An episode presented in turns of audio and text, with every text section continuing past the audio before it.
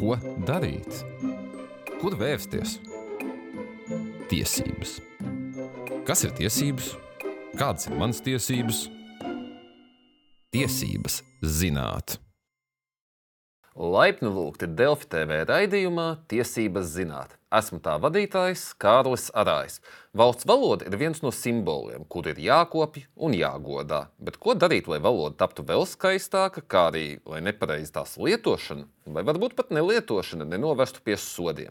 Par šiem un citiem jautājumiem šodien studijā sarunāšos ar Valsts valodas centra valodas kontrolas departamenta vadītāju, direktora vietnieci Madaru Rēķi. Sveiki! Pirmais ir tāds plašs jautājums, kā jau mēs arī pirms raidījuma runājām, bet uh, visaptverošs. Uh, kas ir galvenās lietas, kas man, saskaņā ar likumu, man kā privātpersonai ir jāievēro? No es būtu drošs, ka man nebūs uh, pavēste vai kādā citā veidā nepatīkamas kontakts, saruna, saziņa ar valsts valodas centru. Jā, tad saistībā ar valsts valodas likumu, ko uzrauga valsts valodas centrs, um, ir. Uh, būtiski uzsvērt, ka privāta personas, tad, ja tās darbojas piemēram uzņēmēja darbībā un piedāvā kādus pakalpojumus patērētājiem, tad obligāti ir jālieto valsts valoda. Tad likums izšķir dažādus gadījumus, kad valsts valodas lietošana ir obligāta un kad valsts valodas lietošana ir, ir izvēles variants. Drīzāk, precīzāk sakot, tā, ka likums iedala divas būtiskas sfēras. Tātad uh, valsts un pašvaldības, to institūcijas un arī kapitāla sabiedrības, kurās lielākā daļa pieder. Uh, Kapitāla daļa pieder valstī vai pašvaldībai. Un pretēji tātad ir privāti personas, kas ir juridiskās personas, arī individuālie komersanti un pašnodarbinātās personas. Uh, Līdz ar to tāda, ja valsts īpaši valsts institūcijām un uzņēmumiem visos gadījumos valsts valodas lietošana ir obligāta, tad privāta personām valsts valodas lietošana obligāti ir likumā noteiktajos gadījumos. Un tad likumā ir uz, uzskaitītas likumīgas sabiedriskās intereses, ja tās skar uzņēmējiem, privāta personām ir jālieto valsts valoda. Un tās ir uzskaitītas septiņas. Viena no tām ir patērētāju tiesību aizsardzība, ir veselības aizsardzība un darba tiesības. Tad tur ir dažādas jomas, kuras skarot, tad ir jālieto valsts valoda. Iesim jau arī tagad detalizēti par dažādiem punktiem un dažādiem piemēriem. Arī. Un, piemēram, viens jautājums par valsts valodu ir, ja pasākums tiek organizēts, nu, teiksim, tiek organizēts pasākums, kur mērķa auditorija ir, nu, teiksim, angliski runājuši cilvēki.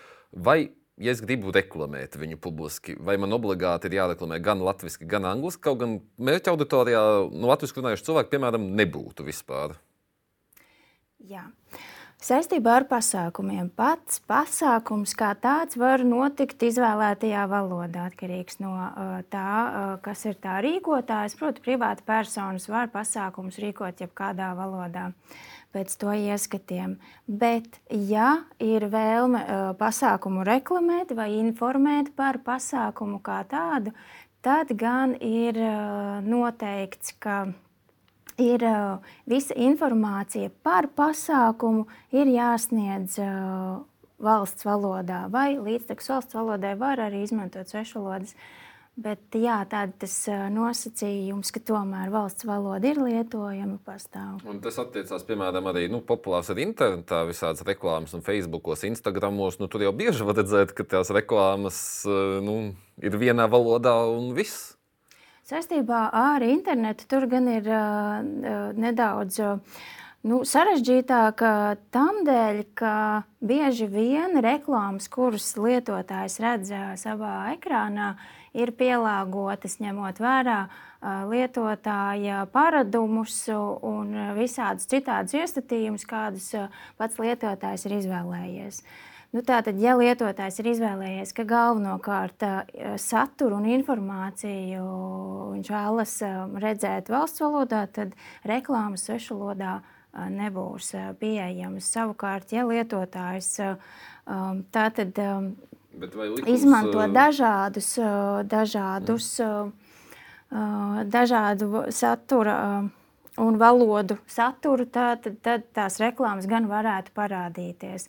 Likums, protams, nosaka, ka ir, ir jābūt valsts valodai, bet lietotājs tādējādi jau arī izvēlas redzēt ne valsts valodā.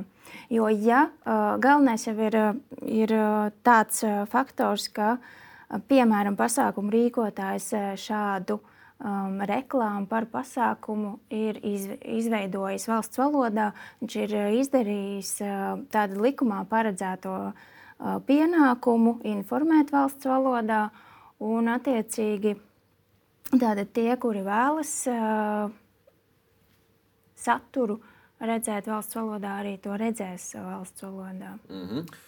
Tagad ejam tālāk. Es gribu atvērt kādu uzņēmumu, nu, nezinu, kafejnīcu, kaut ko. Man ir forša doma, saukšu viņu angliskā vārdā. Viss būs angliski, tur uh, man apkalpos baristas. Nu, tādā mēģināsim iet tā ļoti. Tad uh, arī jābūt visiem nosaukumiem klāt latviešu, vai kā, kā ir šādās situācijās? Komunikācija ar klientu būtu latviešu, bet visādi uzraksti manā kafejnīcā būtu pā, tikai angliski. Saistībā ar uzrakstiem, protams, Uh, uzrakstiem ir jābūt valsts valodā, tad, ja uh, informācija šajos uzrakstos skar likumīgas sabiedriskās intereses, proti, patērētāju tiesību aizsardzību.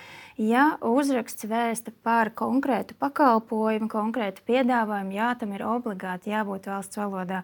Savukārt, ja uzraksts nav saistīts ar, uh, piemēram, kafejnīcas darbību, tie ir kaut kādi nezinu, sienas uzgleznoti, citāti, vai nu citāti, vai spārnoti teicieni, tad, tad tie var būt jebkādā valodā. Tie netiek uzskatīti par informāciju kā tādu, kas informētu. Tādēļ uzņēmējs neinformē patērētāju par, par pakalpojumu, bet gan rada atmosfēru. Um, tas ir saistībā ar šādiem uzrakstiem. Viss, kas ir ar uh, kafejnīcas piedāvājumu, tam ir jābūt uh, valsts valodā. Uh, privāta personas drīkst līdztekus valsts valodai lietot arī svešvalodas pēc saviem ieskatiem. Mm -hmm. Un, uh, jūs jau minējāt, ka ir tie izņēmumi. Tātad būtiskākais izņēmums ir tas, ka tas neskar kādus no šīm septiņām uh, tiesībām, kas ir tās nu, noteiktās. Tur Jā. bija medicīna, patērētājas un vispārējos. Tur tie būs tie izņēmumi no obligātā valsts valodas lietojuma. Ja? Tātad, ja mēs ne, nekonstatējam uh, likumīgu sabiedrisko interesu skārumu, jā, tad attiecīgi mēs varam secināt, ka informācija, uzraksti, uh, neskar likumīgas intereses, un tādēļ uh, privātpersonai nav pienākuma uh, tos obligāti nodrošināt arī valsts valodā. Protams, mēs vienmēr aicinām informāciju primāri izvietot uh, valsts valodā un uh, kā, kritiski izvērtēt, vai tiešām svešvalodai uh, ir jābūt, vai tā ir nepieciešama, vai tā ir vienkārši. Mm, Vai tas ir tāds kā ieradums, ka visur vienmēr ir jābūt nodrošinātam vairākās valodās? Mēs vienmēr valsts valodas centrs aicina galvenā, galvenokārt priekšroku dot valsts valodai. Nu, tas ir pašsaprotami. Uh, un kas var būt tādas biežākās kļūdas, ko cilvēki pieļauj, gan cilvēki, gan uzņēmēji saistībā ar šo valsts valodas likumu? Kas tāds nu, jūsu praksē? Var, var droši arī kādu piemēru ienākt prātā? Galvenokārt tātad mūsu praksē ir apkalpojušā sfēra, apkalpojušā sfērā nodarbinātie, kuri neprot valsts valodu.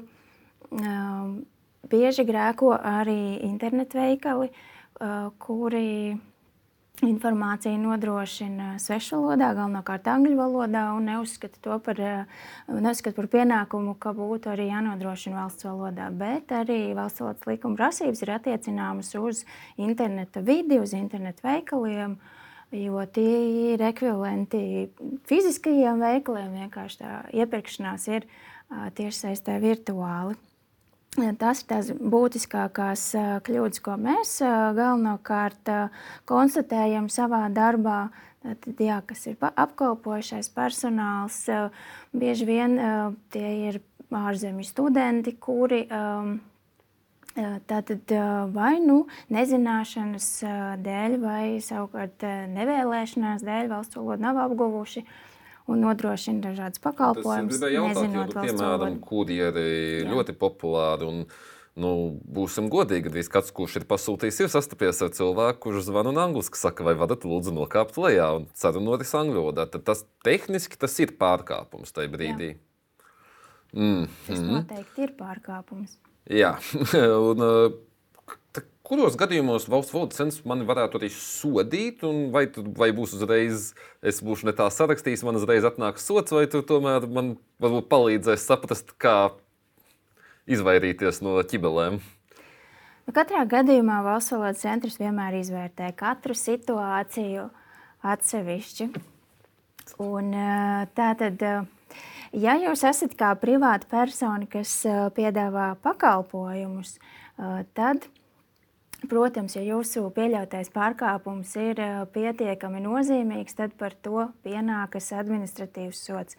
Savukārt, ja izvērtējot visus apstākļus, pārkāpums nerada tādu apdraudējumu, aizsargātajām interesēm, to var uzskatīt par maznozīmīgu, tad, protams, valsts valodas centrs var atbrīvot no administratīvās atbildības un tādu disakot aizrādījumu.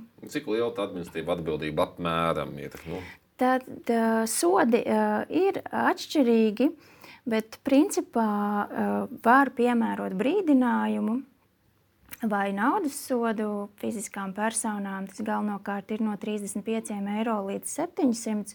Savukārt juridiskām personām brīdinā, naudas sods var būt uh, no 140 uh, līdz, uh, līdz 1400 vai pat 6000 eiro. Tas atkarīgs no tā, kāds ir pārkāpuma smagums un tieši kāds pārkāp, pati pārkāpuma būtība. Kas ir dārgākais pārkāpums tādā gadījumā? Kas man būtu jāizdara, lai es dabūtu 6000 eiro sodu? Tā, tā, tā tad lielie sodi juridiskām personām uh, ir par informācijas nesniegšanu preču marķējumos, uh, lietošanas instrukcijās. Tie ir tie sodi, kas ir. Uh, saistīti ar marķēšanu. Internetu veikaliem vēl viens jautājums, kas man radās. Ir tas, ka ļoti bieži šie tulkojumi nu, ir tulkoti ar kaut kādu Google Translate vai vēl kaut ko, un neviens korektors uh, desmit metru attālumā no tā nav stāvējis. Tehniski tas ir latviešu, bet tā ir tāda latviešu valoda, ko nu, nevar saprast īsti. Kā ir šādā gadījumā? Es varu vērsties pie valsts valodas centra un teikt, ka lau, nu, šķiet, ne, nu, nav labi. Jā. Uh, Jo valsts valodas likums arī paredz, ka lietojot valsts valodu, latviešu valodu, tad ir jāievēro literārās valodas normas. Līdz ko teksts formāli ir latviešu valodā, bet tajā ir tik būtiskas kļūdas, kas liedz uztvert tekstu, un galu galā tas arī nav cienīgi pret valsts valodu, pret latviešu valodu. Līdz ar to ir paredzēts arī administratīvais sots par par šīs normas neievērošanu. Teiksim, par valodas kropļošanu. Par valodas kropļošanu jā. No pārkāpumiem viss bija tāda vieglāka tēma. Arī uh, valsts audzēns regulāri nu, savos tīklu kontos uh, publicē dažādu vārdu atveidojumus. Nu, kā ir pareizi jāsaka, kas ir terminoloģijas uh, nolemts. Bet man varbūt nepatīk šis atveidojums, un es vēlos turpināt veco, kurš varbūt ir anglicisms. Vai šādā gadījumā man var sanākt, ja kāds uzrakstīs par sūdzību nepatikšanas, vai es varu turpināt lietot to veco, kas jau ir iegājies? Ir tā, ka valsts valodas centra mm, terminoloģijas komisija pieņemot šos jaunos terminus, tos apstiprina un iesaka turpmāk lietot. Proti, centrs gādā par to, lai mēs visi lietotu vienotu terminoloģiju un saprastu, par ko ir runa. Bet par atsevišķu vārdu lietošanu nav paredzēta administratīva atbildība. Proti, ja jūs lietojat uh, ekvivalentu kādu terminu.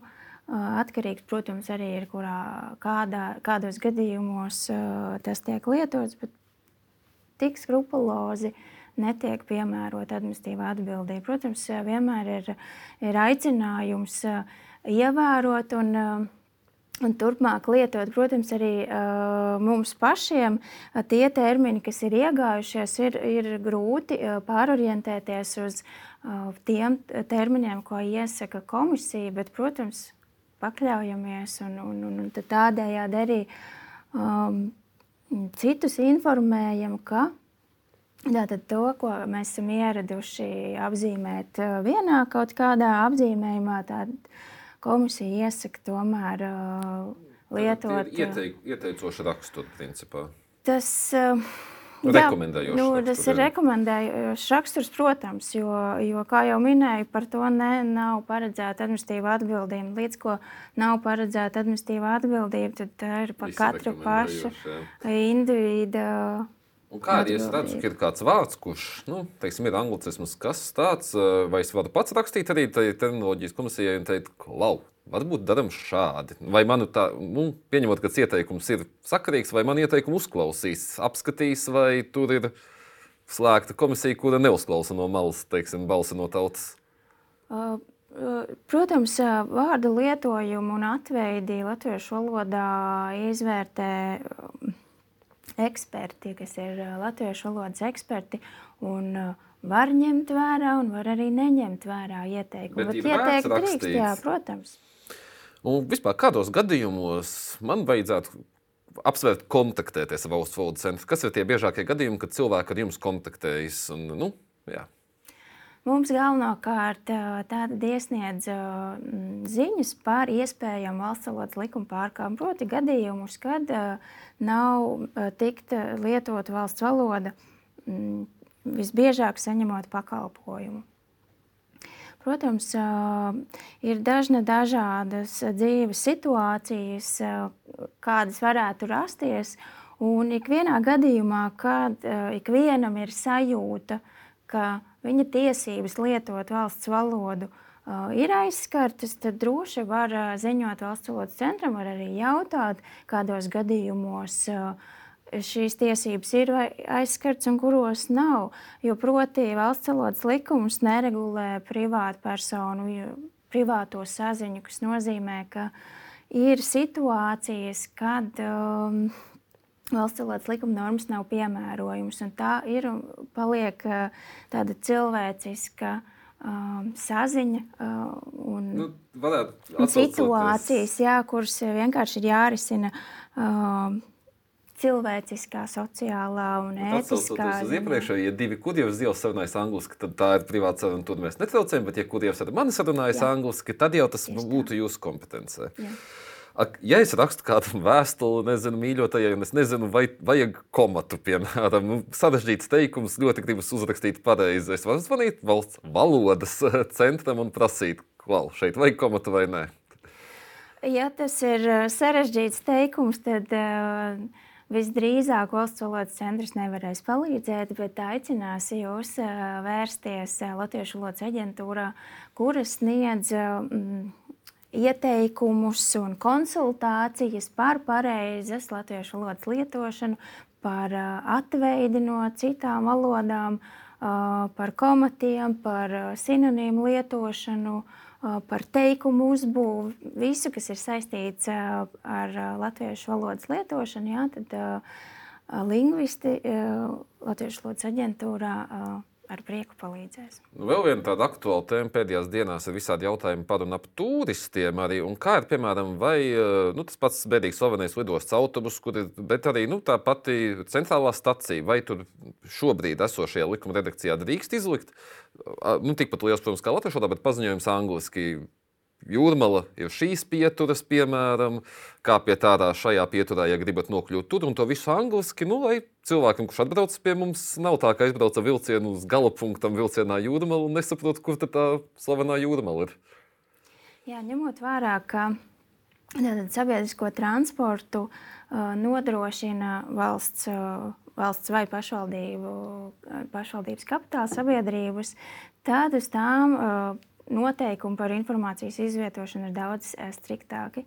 Uh, principā ir tā, saistībā ar starptautisko turismu uh, informāciju ir atļauts izvietot. Bet jāņem vērā, ka starptautisko turismu kā tādu izņēmumu gadījumu nevar piemērot pilnīgi visās dzīves situācijās. Un nevar paplašināt to tulkot. Jā, protams, to var attiecināt uz lidostu, to var attiecināt uz centrālo dzelzceļa staciju. To var attiecināt arī uz šo minēto, jūs minēto maršrutu, kurš visciešākajā veidā uh, turistus, kas ierodas lidostā, bet to nevajadzētu paplašināt. Uh, Tādējādi, ka informācija visās iespējamās vietās, kur turists varētu nokļūt, ka tai būtu jādublējās arī kādā citā svešvalodā, visbiežāk angļu valodā. Un vienmēr ir vērtējams, kas, ir informā, kas tā ir par informāciju, kuru ir plānots izvietot. Un vai tā, tā, tā saistībā ar jūs minēto 22. maršrutu autobusu, tad tur drīzāk bija jautājums par to, vai drīkst tulkot pieturvietu nosaukumus. Un pieturvietu nosaukumi nav tiešā veidā attiecināmi uz uh, turismu, uh, un uh, to tulkošana savukārt uh, iespējams uh, turistam pat sarežģītu pārvietošanos um, galvaspilsētā ar to, ka ne, visa, ne, ne visas pieturvietas nosaukums, uh, tad ne visu to var iztulkot. Līdz ar to tur paliktu daļa, kas ir latviešu valodā nemainīgā daļa, un iztulkojot tikai, piemēram, vārdu iela, tas nemainītu būtību. Līdz ar to centrs neiesaka lietot šo variantu, ka tāda pieturvieta būtu no, autobusu maršrutā, to pateiktu latviešu valodā, un pēc tam to pašu pateikt angļu valodā, un tad būtu kā, kā tas tieši skanētu. Un, vai, vai tāpēc turistiem būtu vieglāk pārvietoties, ja tomēr turisti tātad orientējas arī pēc tiem uzrakstiem, kas mums ir reāli uh, vidē un kartēs, kā ir rakstīts. Līdz ar to jā, tad, tad ir būtiski saprast, Kādu informāciju Skaidrs, mēs vēlamies jā. izvietot? Un raidījuma noslēgumā es vienmēr prasu viesim, viesņai zelta padomu. Tas ir vai nu kaut kas, kas sarunā nav pateikts, bet būtu būtisks nodot mūsu klasi, skatītājiem, klausītājiem, vai kaut kas tieši otrādi, kas ir pateikts, ko būtu vērts vēlreiz akcentēt. Tad ir brīvais mikrofons jums. Jā, visbiežāk tātad uh, uzņēmēji pieļauj kļūdu, uzsākot savu uzņēmēju darbību, um, tad nepajautāt vai nepainteresēties, kādas, kādas prasības viņiem būtu jāizpilda, lai viņi nepārkāptu normatīvo regulējumu. Un visbiežāk tas ir valsts valodas likums un ar to saistītie uh, tiesību akti. Tad tas būtu viens sākotnēji konsultēties, ja nav pārliecības. Uh, un otrs uh, būtu ikdienas uh, sabiedrības pārstāvjiem, ikvienam no mums, um, piedalīties aktīvi valsts valodas lietošanā visās dzīves jomās un ar citautiešiem iespējami maksimāli runāt valsts valodā, tādējādi palīdzot eh, citautiešiem apgūt valsts valodu un tādējādi veicinot valsts valodas lietošanu visās dzīves jomās. Tas būtu tas galvenais, ko es vēlētos uzsvērt. Uz šīs arī teikšu jums paldies par sarunu. Bet, dārgie skatītāji, ar jums tiksimies jau pēc divām nedēļām. Un, ja jums ir kāds sasāpējis jautājums vai tēma, kuru jūs vēlētos aktualizēt, eh, jūs varat to darīt, nosūtot e-pastu uz tiesības zināt, atdelfi.lv. Un tagad atcerieties, jums visiem ir tiesības, mums visiem ir tiesības zināt savas tiesības. Atā! thank you